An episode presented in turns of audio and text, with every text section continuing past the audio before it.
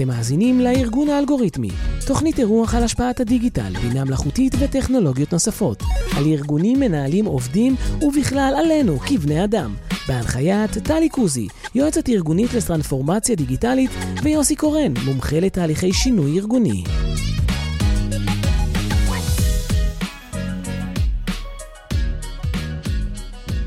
אהלן, שלום אורית. שלום יוסי. דוקטור אורית מנדל, אה, פסיכולוגית חברתית. אורית מנהלת המחלקה לניהול השינוי בעיריית תל אביב, והזמנו אותה להתארח אצלנו כדי שנדבר על יישום טכנולוגיות מתקדמות, בינה מלאכותית ו-BI בעיריית תל אביב, דרך הממד האנושי. דייקתי? בהחלט. אז נשמח אה, שתציגי את עצמך וגם את המחלקה שאת מנהלת והקמת במו ידייך. אה, אז קודם כל, אני באמת אה, ככה, במהות שלי, בזהות שלי, פסיכולוגית חברתית.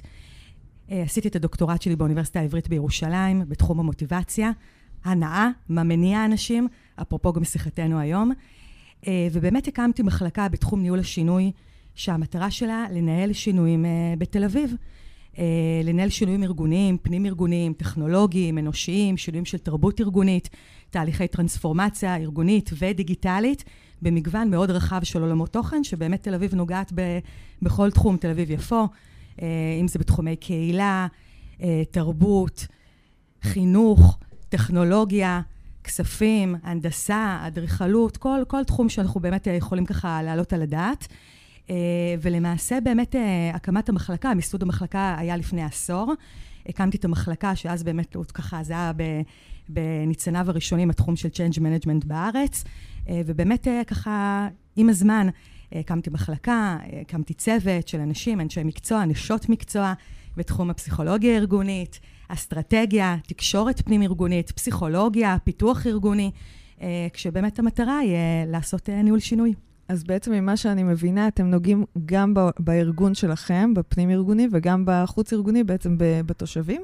בעצם כל היחידות אצלנו, אה, גם היחידות הפנימיות, בסופו של דבר, כמו טכנולוגיה וארגון ושיטות, אה, בסופו של דבר, כולה, כל, כל המטרה שלשמה התכנסנו זה באמת לגעת בתושבים, במבקרים, בעלי העסקים, בעצם כל הלקוחות של עיריית תל אביב-יפו.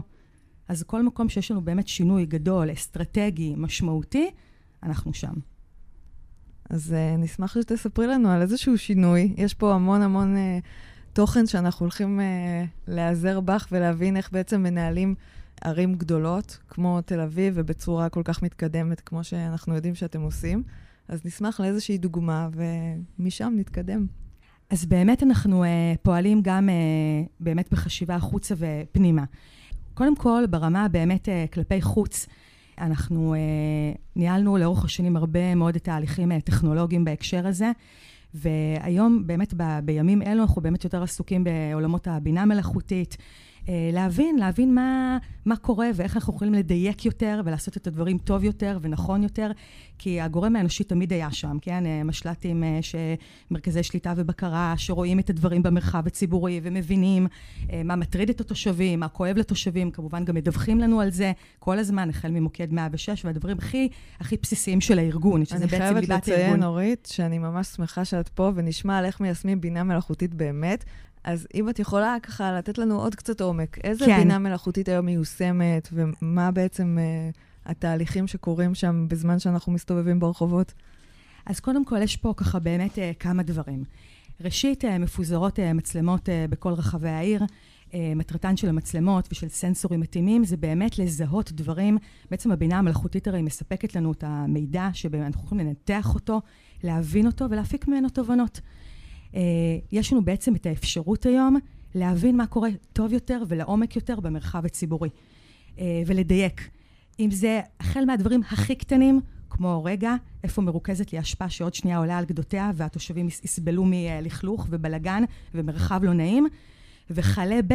רגע, איפה אני רואה שיש לי התקהלות שמתחילה להיות קצת מסוכנת ולעבור את הגבול, ואולי יכולה להיגר...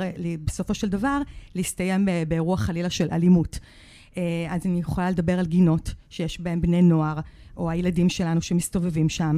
אנחנו יכולים לדבר גם על הכבישים. יש היום גם חשיבה איך אני בעצם אה, מפתח את אותם אה, אה, מנגנונים שיעזרו לי להבין גם אם עכשיו רחוב הוא הכל זורם בו והתנועה זורמת בו, יכול להיות שמחר, מחרתיים, יהיה בו עומס נוראי. אז mm-hmm. באמת גם להבין את הדברים האלה. אה, אז אני אומרת עוד פעם, זה יכול להיות מהדבר הכי הכי קטן של אה, השפעה ברחוב, וזה יכול להסתיים בדברים שקשורים לחיי אדם, אפילו לטביעות בחוף הים. איפה יש לי סכנה לטביעה, איפה וואו. אני יכול אה, לראות, אה, אה, רגע, לחזות את, ה, את הבעיה עוד לפני שהיא אה, קורית. בדיוק, אז, אז זה ממש חיזוי. אני, אני אוהבת להסתכל על הבינה המלאכותית, וכדי להסביר אותה גם לעצמי, כי זה משהו מאוד אה, מורכב כל הזמן ומתפתח, בעצם איך היינו לפני ואיך זה עכשיו. אז אם אני אקח את נושא של פינוי אשפה לדוגמה, מה היה לפני, אה, כשהייתה נערמת ערימת אשפה? מאז ומעולם היו את הגורמים האנושיים שבאמת מטרתם לתת שירות. מוקד 106 זה לא דבר חדש, זה תמיד היה, מרכזי שליטה ובקרה גם היו. זה ארגון שהוא מאוד תפעולי והוא מאוד מאוד מוכוון שירות החוצה. מה לא היה? לא היה באמת את היישומים שאנחנו מדברים עליה של בינה מלאכותית, של מחשבים ושרתים חכמים כמו ה-GPU, שבאמת באמת מסתכלים על הדברים, יכולים לנתח תמונות, יכולים לנתח אובייקטים, גם אם על בסיס מאפיינים שאנחנו עוד לא יודעים שהם המאפיינים, אבל זה לא רק מדמה את החשיבה האנושית, כמו את אותו גורם אנושי שיושב במשל"ט, אלא כמו שאמרת קודם, מילות המפתח הם חיזוי העתיד. בואו נראה את הבעיה עוד לפני שהיא נולדת. אני ככה שמעתי את, ה, את הקודמים, אה, את הדוברים הקודמים בפודקאסט, אז זה קצת דומה לעולם הרפואה. Mm-hmm. בואו נמנע את המחלה. בואו נגר... בוא נראה את זה עוד לפני שזה קורה. אז אני אומרת, זה יכול באמת להתחיל כמו בפירמידה של מאסלו.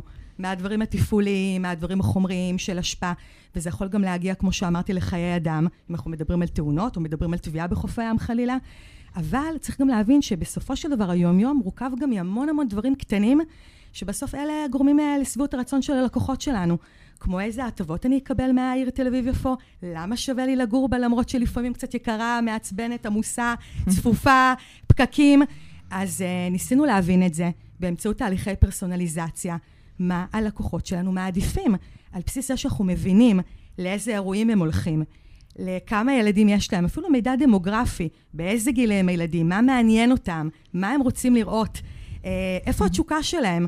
לפי זה אפשר, ב, ב, אנחנו קוראים לפרויקט הזה דיגיטל נקסט, להבין בעצם מה, מה הצעד הבא, מה הנקסט סטפ, כאילו מה, מה הם רוצים לראות. הם לא יודעים שזה מה שהם מחפשים, אבל האירוע הזה בול לכלל לטעמם. מחפשים בעצם בכמה מילים זה לקלוע לטעמם של הלקוחות שלנו. להביא להם את ההטבות שהם רוצים לראות, וגם לא להטריד אותם במיילים, כן?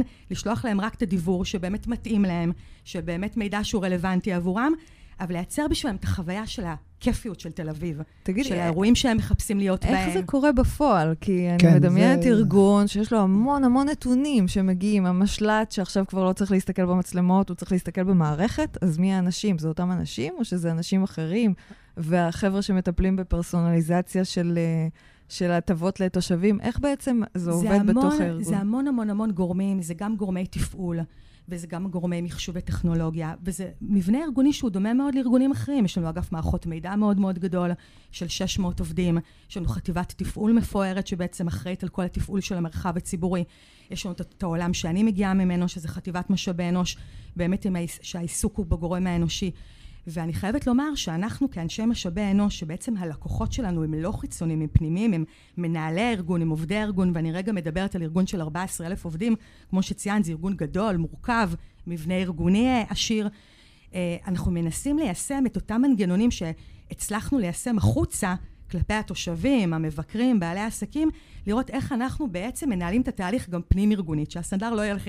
אז תכף רגע נתייחס לפנים-ארגוני, אבל אני רגע רוצה לחזור אה, אחורה, אל מאחורי הקלעים, אם אני מכוון למה שטלי אה, התכוונה.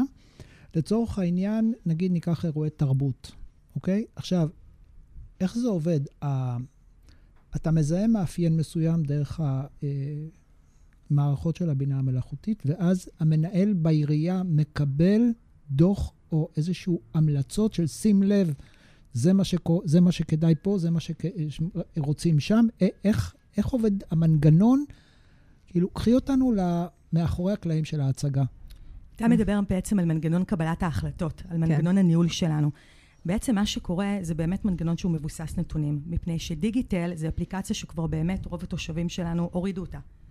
ואנחנו רואים לפי החיפושים, כמובן בהסכמתם, הם חותמים על סעיף הסכמה, אנחנו רוצים לראות בעצם מה, מה מעניין אותם, לאיזה הטבות הם מחפשים, אה, ומה במאפיינים הדמוגרפיים שלהם אנחנו יכולים בעצם לספק להם את אותו מענה.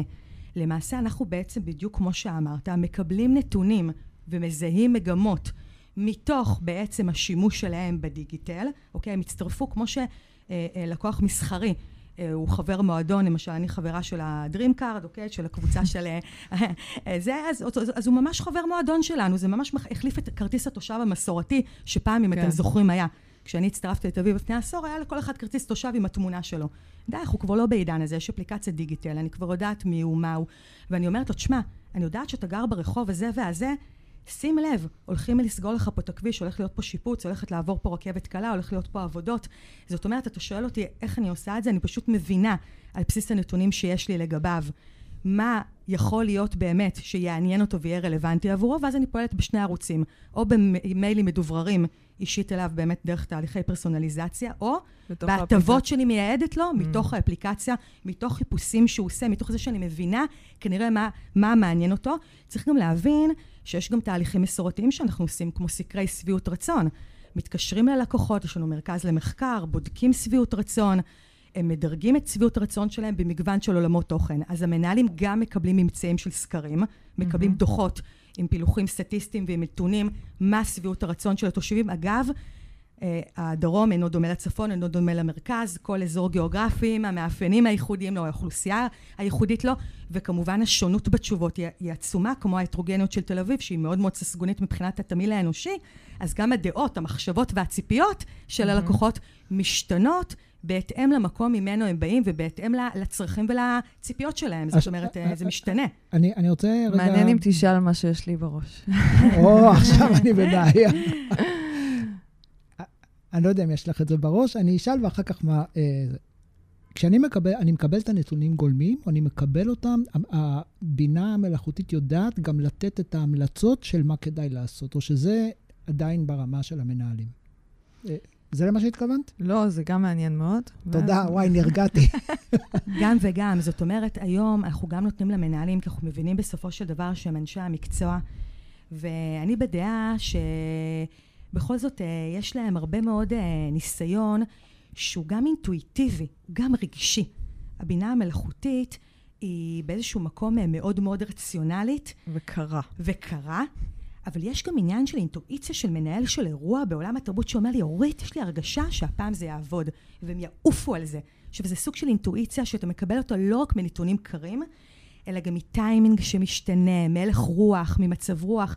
יש עניין של טיימינג, של הלך רוח, של אנרגיות בארגון, של תרבות ארגונית. שזה הערך המוסף של המנהל, אבל מסקרן אותי לדעת האם... והוא גם מקבל את הנתונים, זה החלק לא, השני. לא, יש הבדל, האם הוא מקבל את הנתונים פלוס המלצות, או מקבל רק את הנתונים, ואז הוא מסיק את המסקנות. לגבי המרחב הציבורי, אנחנו כבר בשלב של גם המלצות. גם זאת המלצות. זאת אומרת, לגבי זה, לגבי החלק הפנים-ארגוני, שאני שותפה לו, אנחנו עדיין משתמשים ב-BI בשביל לקבל את כל הנתונים, אנחנו מקבלים אותם מפולחים, ויש לנו אפשרות באמת לדעת התפתחות של תפקידים ושל עיסוקים, ומצב של יחידות, ומצב של משרות ניהוליות, ומצב של עובדים, אפילו ברמה הסוציאלית, הכל. אבל לא ברמה עדיין של המלצות. אז mm-hmm. רגע, יש פה הבדל בין החוץ לפנים. תל אביב נורא מאופיינת בזה שהיא תמיד רצה על, על החוץ, על הלקוחות שלה, יותר מהר מעל הפנים. כי באמת זה ארגון מוטה שירות. אנחנו קודם כל חושבים כן. על ה... זה זכות הקיום שלנו, בעצם, הלקוחות שלנו.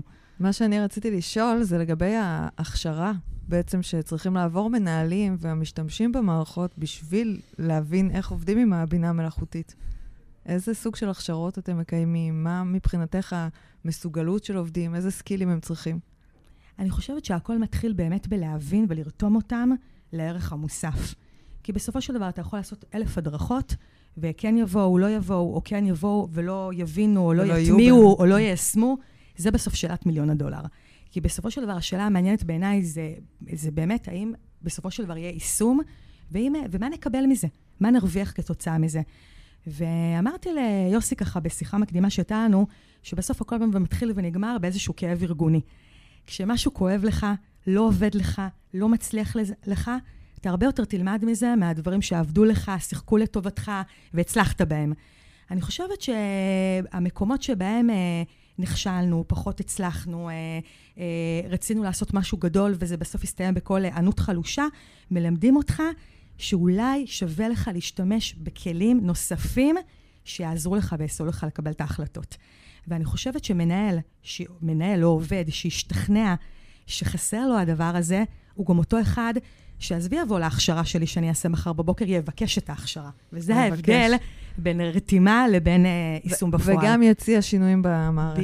בדיוק. זה אנחנו כי בסופו יודעים. של דבר, גם את המערכת עצמה, מי בסוף בונה אותה, את היישומים, מי מגדיר אותה, מי מאפיין אותה? אנשים. בדיוק. אז בסוף הכל מתחיל ונגמר באנשים, הטכנולוגיה היא האמצעי, היא הכלי, היא לא המטרה. אה, אוקיי? אז אה, זה בדיוק העניין. מדהים. רציתי לשאול אותך, איך באמת, הכרת את זה קצת עכשיו בהכשרה, שאנחנו צריכים בעצם אה, להסביר למנהל למה, אבל איך אני מניעה את, ה, את המנהלים ואת האנשים בארגון להשתמש בנתונים? זאת אומרת, אה, אני יכולה להסביר להם איך להשתמש במערכת, אבל אני לא יודעת באמת איך הם הסיקו את המסקנות, מאיפה הם הגיעו להחלטות. איך אני גורמת להם באמת להשתמש בנתונים?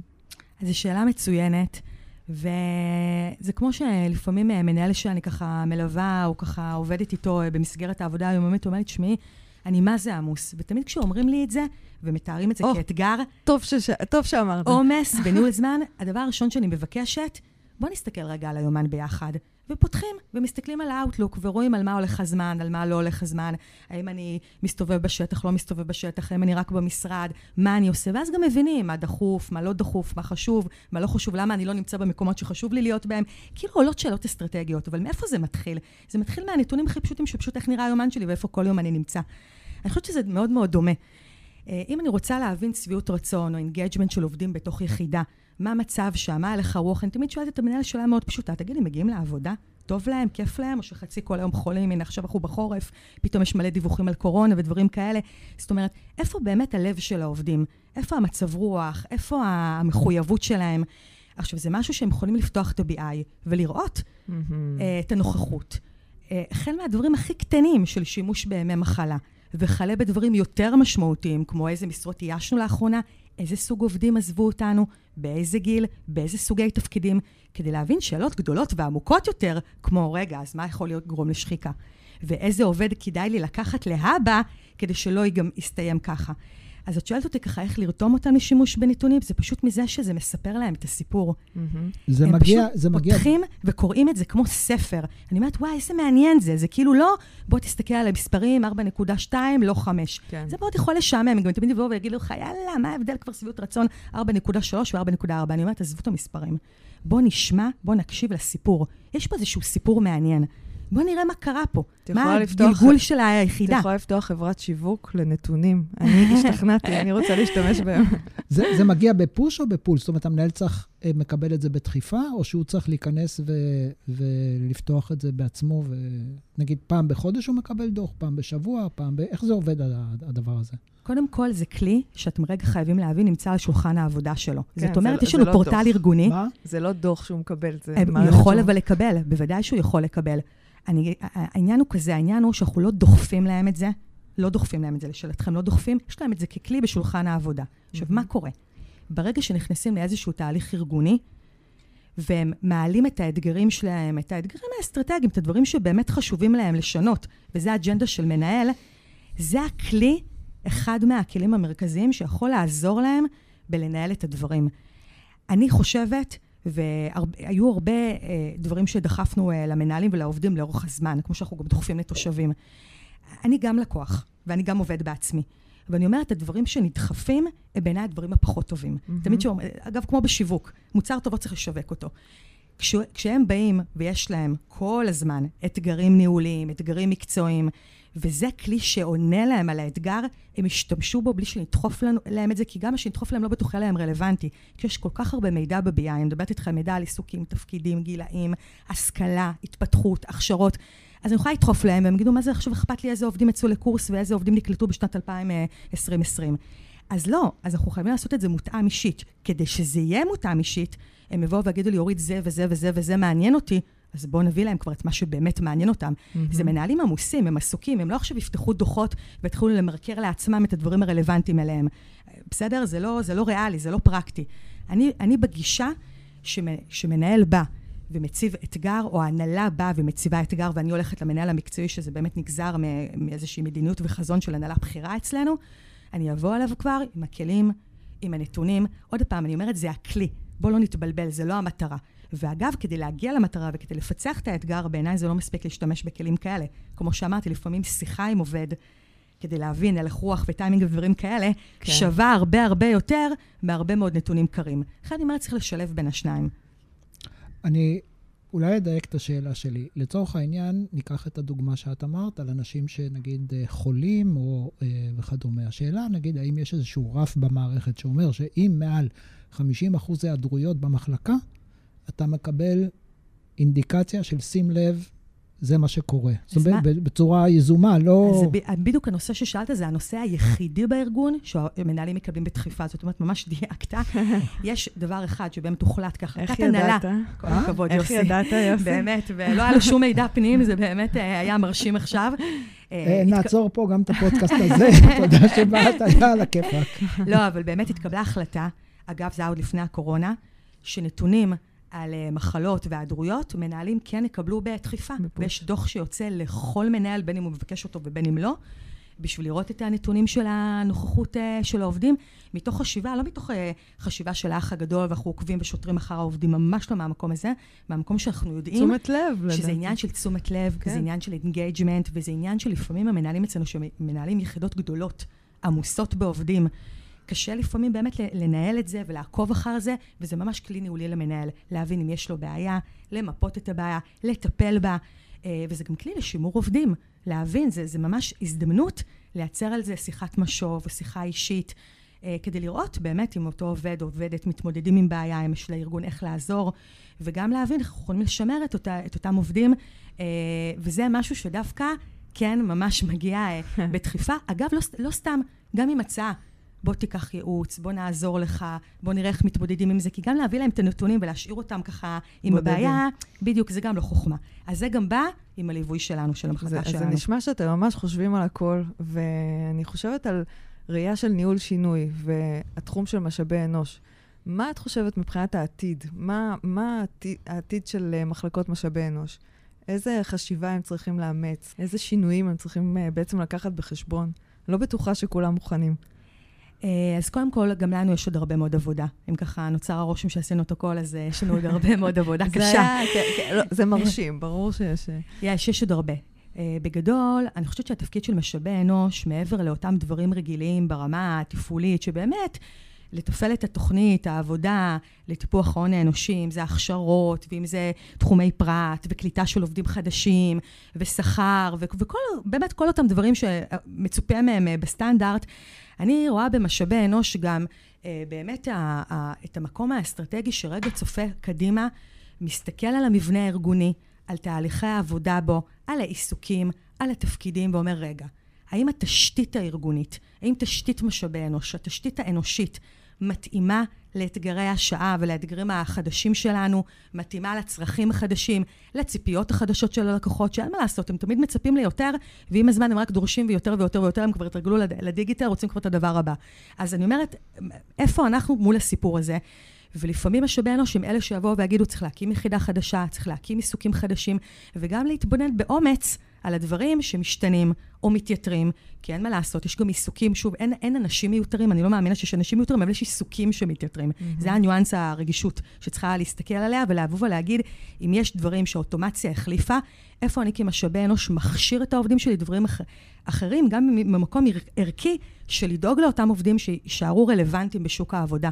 זאת אומרת, יש פה גם שאלה ערכית בעיניי, שלא ימצא את עצמו מחר אותו פועל תברואה בלי, בלי, בלי עבודה, וזה גם לא רק שאלה של קביעות ודברים כאלה, זה שאלה של פיתוח עצמי. איפה אני נשאר רלוונטי בעולם העבודה החדש. אז אם מחר רובוטים של ניקיון אה, יחליפו, וכבר חלקם אה, מחליפים, איך אני יכול אה, אה, לווסת ולנתב את אותם אנשים לתפקידים אחרים. לפיקוח, לבקרה על אותם כלים טכנולוגיים, ל- לפעולות אחרות שהם יוכלו לעשות אותם עדיין בעולם המקצועי שלהם, אבל באמת עם, ה- עם הרלוונטיות הנדרשת.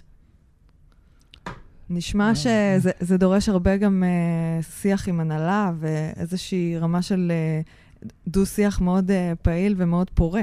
הרבה תמיכה של uh, גורמים, uh, של מנהלים בארגון, ומעניין איך זה קורה, את יודעת, גם ברמה הזאת, כי אני יודעת שמשאבי אנוש הרבה פעמים חוששים לבוא עם יוזמות.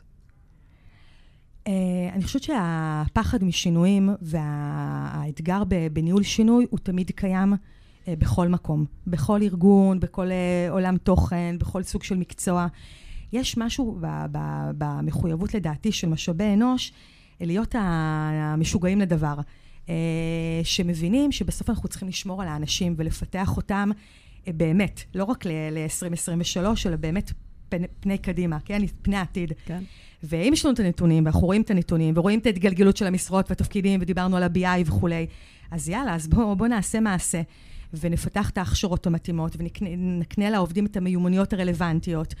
ואני חושבת שאצלנו בארגון, זה שבכלל הוקמה פונקציה כזו של ניהול שינוי, של Change Management, עוד לפני שזה דובר בחברות אחרות, אה, מבינים כנראה שהתפקיד של משאבי אנוש הוא לא רק לגייס, אה, לפטר בעת הצורך, לדאוג למתכונות העסקה ראויות ולארגן פעילויות אה, רווחה, תרבות ופנאי. כנראה מבינים שיש פה איזה עומק אחר. אני, יש את כל הסיסמאות האלה, להיות business partner ולהיות שותף עסקי וכל מיני דברים כאלה. אני חושבת שזה באמת, המקום שלנו הוא, הוא, הוא עצום. מבחינת אנחנו באמת חולשים על המידע האנושי. אנחנו באמת רואים את הדברים. ומזהים את המגמות, אז יש לנו הרבה הרבה מה לעשות עם זה. עכשיו, אני לא יכולה לצפות מהמנהלים המקצועיים שכל אחד מוטרד בתחומו, אה, לבוא ו- ו- ולעשות את זה. זאת אומרת, אה, אני רגע גוף מטה, מסתכל על הדברים רוחבית, mm-hmm. אה, ורואה, ורואה איפה המצוקות שלנו. אה, מה הולך להיות אה, חסר לנו? אנחנו כבר אה, סובלים נגיד ממחסור מהנדסים, או, או סייעות גני ילדים, אז אם מחר אני לא יכולה לפתוח גן, כי חסר לי אנשי חינוך רלוונטיים, וזה בסוף פוגע לא רק בתל אביב, זה, זה, פוגע, זה, פוגע, זה פוגע בכולנו, אוקיי? כן. הורים, ילדים, וכולנו בסופו של דבר או נותני שירות או מקבלי שירות.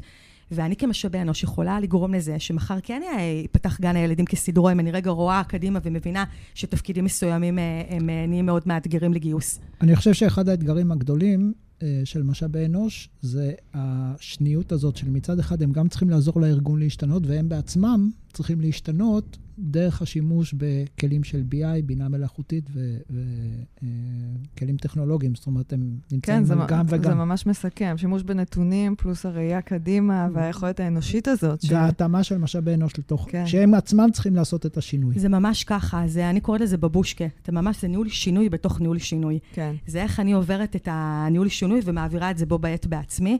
אולי ככה אני גם מזדהה עם האתגרים של הלקוחות שלי, כי אני בעצמי מבינה שזה דבר לא קל. כן. אה, זה, עכשיו אני באה ומספרת לכם את זה ככה אה, במזגן, בחדר, אבל אה, בסוף זה תהליכים שהם מורכבים.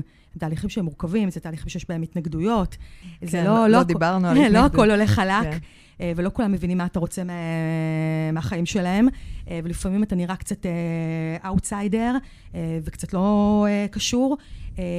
זה, זה תפקיד שהוא בעמדה שהיא מאוד אמביוולנטית. כן.